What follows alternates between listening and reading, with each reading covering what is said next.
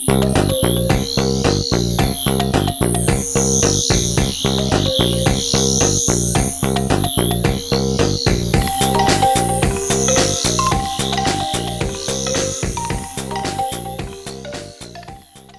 lytter nå til en podkast fra Kongsberg bibliotek.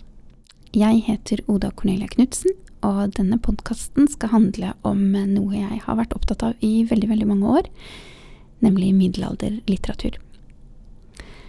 De som har kjent meg som leser, i hvert fall de siste 15 åra, vet at jeg er over gjennomsnittet glad i gamle tekster. Jo eldre, jo bedre. Og hvis de handler om vikingtida eller den norrøne middelalderen på noe vis, er jeg ekstra interessert. Jeg tenkte derfor at jeg skulle dele en veldig sterk og flott leseropplevelse med dere, som jeg har hatt i forbindelse med å lese Egil Skallagrimsons saga. Det er ei bok jeg har lest flere ganger, og som om igjen og om igjen viser seg å både være lesverdig og å by på noe nytt. Og det i seg sjøl syns jeg er veldig fascinerende, særlig når vi veit at teksten mest sannsynlig er omtrent 800 år gammel. Egil Skallagrimsons saga, også kjent som blant annet Egilssoga, er en av de eldste islandske ættesagaene, med handling som foregår fra omtrent år 850 til ca. år 990, og som geografisk spenner fra Norge til Island, de mange øyene i vest, seinere de norske skattlandene, Danmark, Sverige og ikke minst de britiske øyer. Persongalleriet er stort og rommer opp mot 400 mennesker, men må se seg slått av Njålsoga og dens 500 personer. Hovedhandlinga i teksten er konsentrert rundt den historiske personen og høvdingen Egil Skallagrimson, som har anslått levetid fra omtrent 910 til 990, som lever et langt og motsetningsfullt liv. Han er både kriger og skald, altså dikter. Som med mye middelalderlitteratur er forfatteren også her ukjent. En mener sagaen ble nedskrevet i løpet av 1200-tallet. Mange tror det er Snorre Sturlason, som da altså levde mellom 1178-79 til 1241, som står bak Egil Skallagrimsons saga, men det er enda ikke blitt bevist, og blir det kanskje aldri. Og for så vidt så er det kanskje ikke så viktig heller. Det er i hvert fall en diskusjon som jeg tenker at historikere må ta seg av. Årsakene til å skrive ned sagaen har nok vært mange. Foruten at Egil lever et spennende liv som i seg sjøl er verdt å fortelle, er han også opphavsmann til flere fantastiske kvad som middelaldermenneskene i stor grad kjente til. Å sette dem inn i en konkret sammenheng, og få kronologi på de mange historiene om Egil, må ha vært et flott oppdrag for en lærd, uansett hvor mye ukristelig atferd som skildres. Og noe av det viktigste som skildres i sagaen, er utgangspunktet. Flere familiers misnøye med den norske kongen Harald Hårfagre og hans styre og det danner det politiske bakteppet for norsk bosetting på Island. Forfedrene til Egil Skallagrimson, med Grim Kveldulfsson, nokså tidlig bedre kjent som Skallagrim, i spissen, er blant dem som forlater Norge. Egil Skallagrimsons saga er derfor ikke bare en skjønnlitterær saga og en biografisk beretning, av og til med rene fiksjonselementer, men den er også en viktig historisk kilde til hvordan landnåmet foregikk, og hvordan samfunnet på Island etableres og organiseres. Egil Skallagrimsons saga består av mange flotte og spennende historier, ofte med krig, drap eller hevn som hovedhandling. Egil er en stor mann og skildres ofte som veldig storvokst, høy, brei, truende. Han er en staut og modig kriger, så han drar jo da nytte av fysikken sin. Han kjemper både for seg sjøl og sin ett, og for andre mer tilfeldige mennesker. Og han ligger ofte i Viking om somrene, sammen med bestekompisen Arinbjørn. Men sagaen handler ikke bare om berserkergang, våpen og holmgang, sjøl om det utgjør mye av det overfladiske materialet. Grim, stamfaren da altså, han drar til Island fordi Harald Hårfager har drept broren hans, Torolf. På øya er det mulighet til å starte på nytt, med norsk tingordning og norsk lovverk i bunnen, men uten disse kongene som driver og tar seg til rette, lar seg manipulere andre, og som dreper både frender og motstandere, som manipulerer sjøl, og som driver inn harde skatter for å finansiere kriging og hoff. På Island er det mulig å leve slik en vil, slik en i gåseøynene alltid har gjort. Nettopp dette gjør sagaen til en kulturhistorisk gullgruve for oss i dag. Etter å ha lest Njålsoga, som jeg egentlig burde ha lest etter Egil Skallagrimsons saga for å få riktig historisk kronologi, trodde jeg at jeg hadde blitt immun mot det som en kan kalle litterær vold. Men Egil Skallagrimsons saga var likevel overraskende brutal og direkte i sine skildringer av lemlestinger og drap. Det som kanskje sjokkerer mest, men som også fascinerer, er Egil sjøl. Det skildres blant annet at han dreper et annet barn allerede som sjuåring. Hvorvidt det er sant eller ikke, vites ikke, men poenget er tydelig. Egil er voldelig og territorial. Han forsvarer sin ære som om den var laga av gull. Han dreper over ord, og paradoksalt nok redder han sjøl også livet ved hjelp av ord. Egil Skallagrimson er et komplekst menneske, ifølge mange også det første moderne mennesket, uten at jeg skal begi meg videre inn i en diskusjon om det. Han tilhører et samfunn og en æreskodeks som vi har vanskeligheter med å forstå i dag. Han utøver brutal fysisk vold der det for oss ville vært siste utvei. Han gjør seg i flere tilfeller til herre over liv og død, noe som strider med vår mer pasifiserte og kristne tankegang. Og likevel lager han de nydeligste dikt, hvor han lar jeget, som er han sjøl, sette ord på sorg og smerte dette er mjuke emosjoner som det ikke er rom for i et maskulint maktmiljø. Men Egil ytrer dem likevel, og er i ett med seg sjøl og alle sterke følelser, gode som dårlige. Hans skaldskapsgave er kommet fra gudene, og han ærer gudene ved å bruke dem. Det mest imponerende ved sagaen er diktninga som tilskrives Egil Skallagrimson. Her er det utrolig mange gullkorn å hente. Det er nydelige formuleringer, vakre kenninger. En del som kan være uforståelige hvis en ikke har satt seg inn i hvordan disse diktene bygges opp, og så er det en helt særegen stemning. Stilistisk sett er dråpa Egil lager til kong Eirik Blodøks, kalt Hodeløsningen, eller Hovedlausen, ganske unikt. Kvaet er så godt at det redder livet til skalden.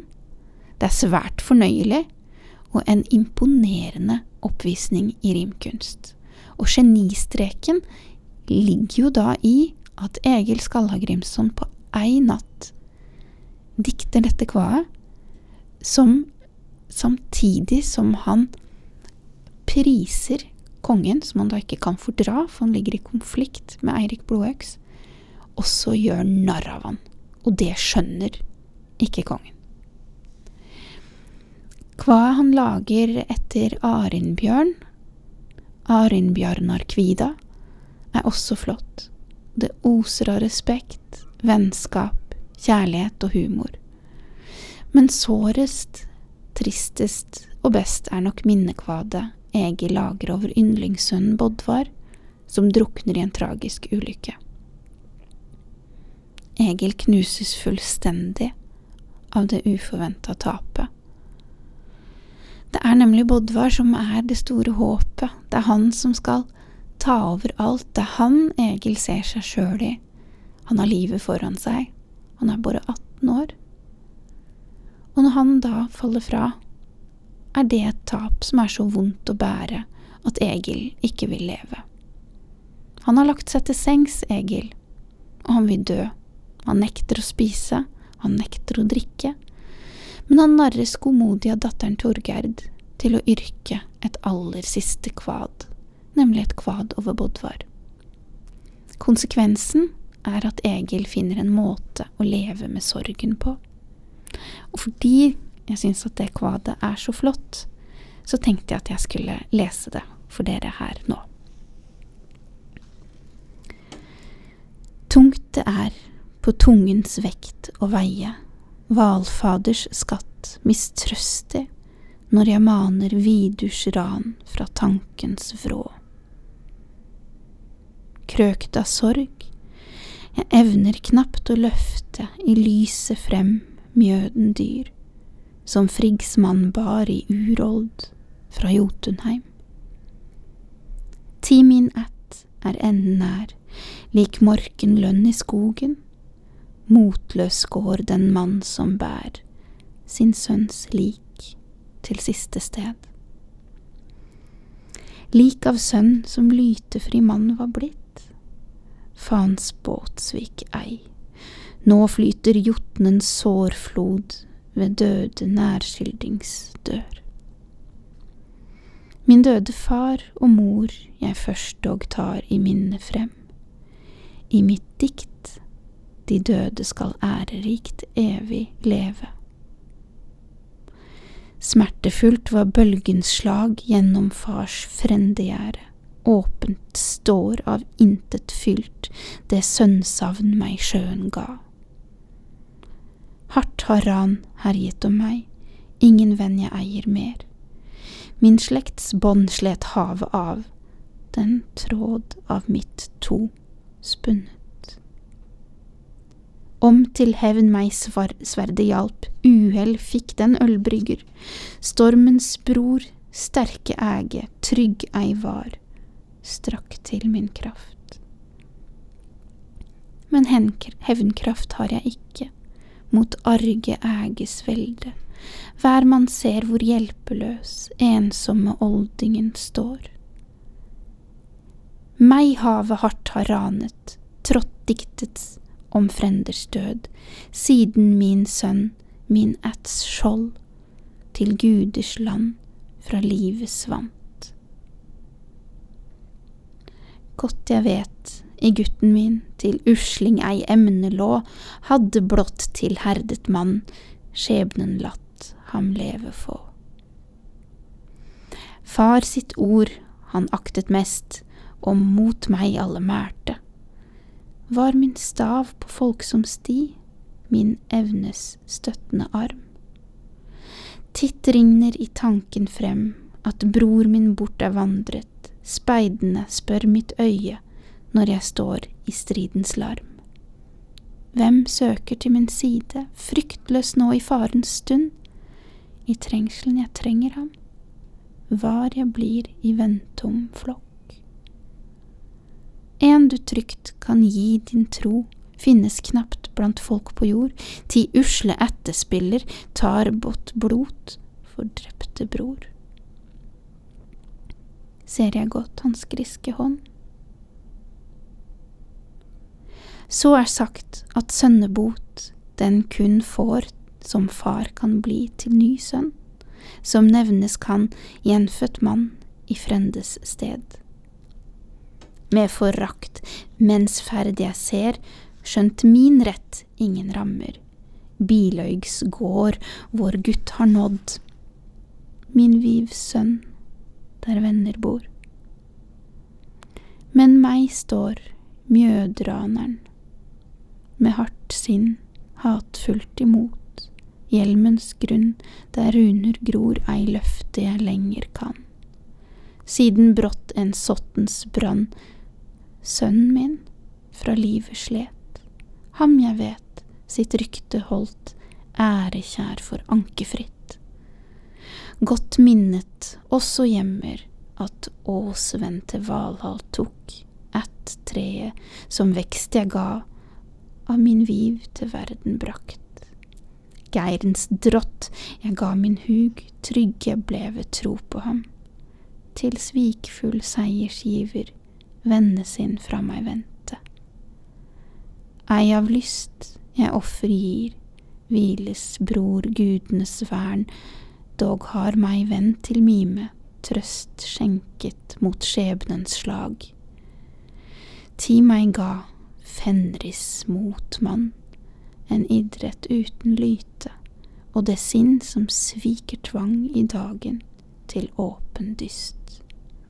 Usle liv, ulvens søster der nede på neset står. Dog skal glad og med godt mot som mann jeg møte døden. Den første utgava jeg leste, var oversatt av Halvor Lie. Min eneste innvending til den eh, oversettinga er at sagaer kanskje ikke kler eh, riksmålet så godt, eller omvendt helst. Det blir fort litt eh, klønete og formelt, omstendelig og tungt. Versjonene på nynorsk er å foretrekke, så absolutt, da det er mye nærmere det norrøne originalspråket, og det klinger på en helt annen måte. Men det er jo en smakssak. Egil Skallgrimsons saga er stemningsfullt illustrert med naturmotiver fra Island, tegna av Johannes Larsen. De tilfører teksten et værbitt, litt ensomt og fast uttrykk. Jeg leser også inn stor respekt for det skiftende, uforutsigbare været, de voldsomme naturkreftene, spesielt havet, med blikkstille eller kraftige bølger, evig i horisonten. Og dette ligger både i teksten og i bildene. Det kan være en parallell til Egil Skallagrimson sjøl, som er litt som en naturkraft, som forener det brutale med det lyriske, det fysiske med det psykiske, det maskuline med de mjukere og i vår tid mer tradisjonelle feminine emosjoner. I Egil møtes alt dette, og det stormer både i og utafor han. Jeg tror det at å yrke disse kvadene ble et fristed, både fra krevende omgivelser og voldsom utferd og aggressiv oppførsel, og et krevende, men ytterst levende indre. Egil Skallagrimsons saga passer for de aller fleste lesere, uansett om du vil ha spennende lesing, kulturhistorisk kunnskap, vakre dikt eller bare ei utrolig god historie. Riktig god les. Du har nå lytta til en podkast fra Kongsberg bibliotek. Jeg heter Oda Cornelia Knutsen, og jeg takker for følget for denne gang. Thank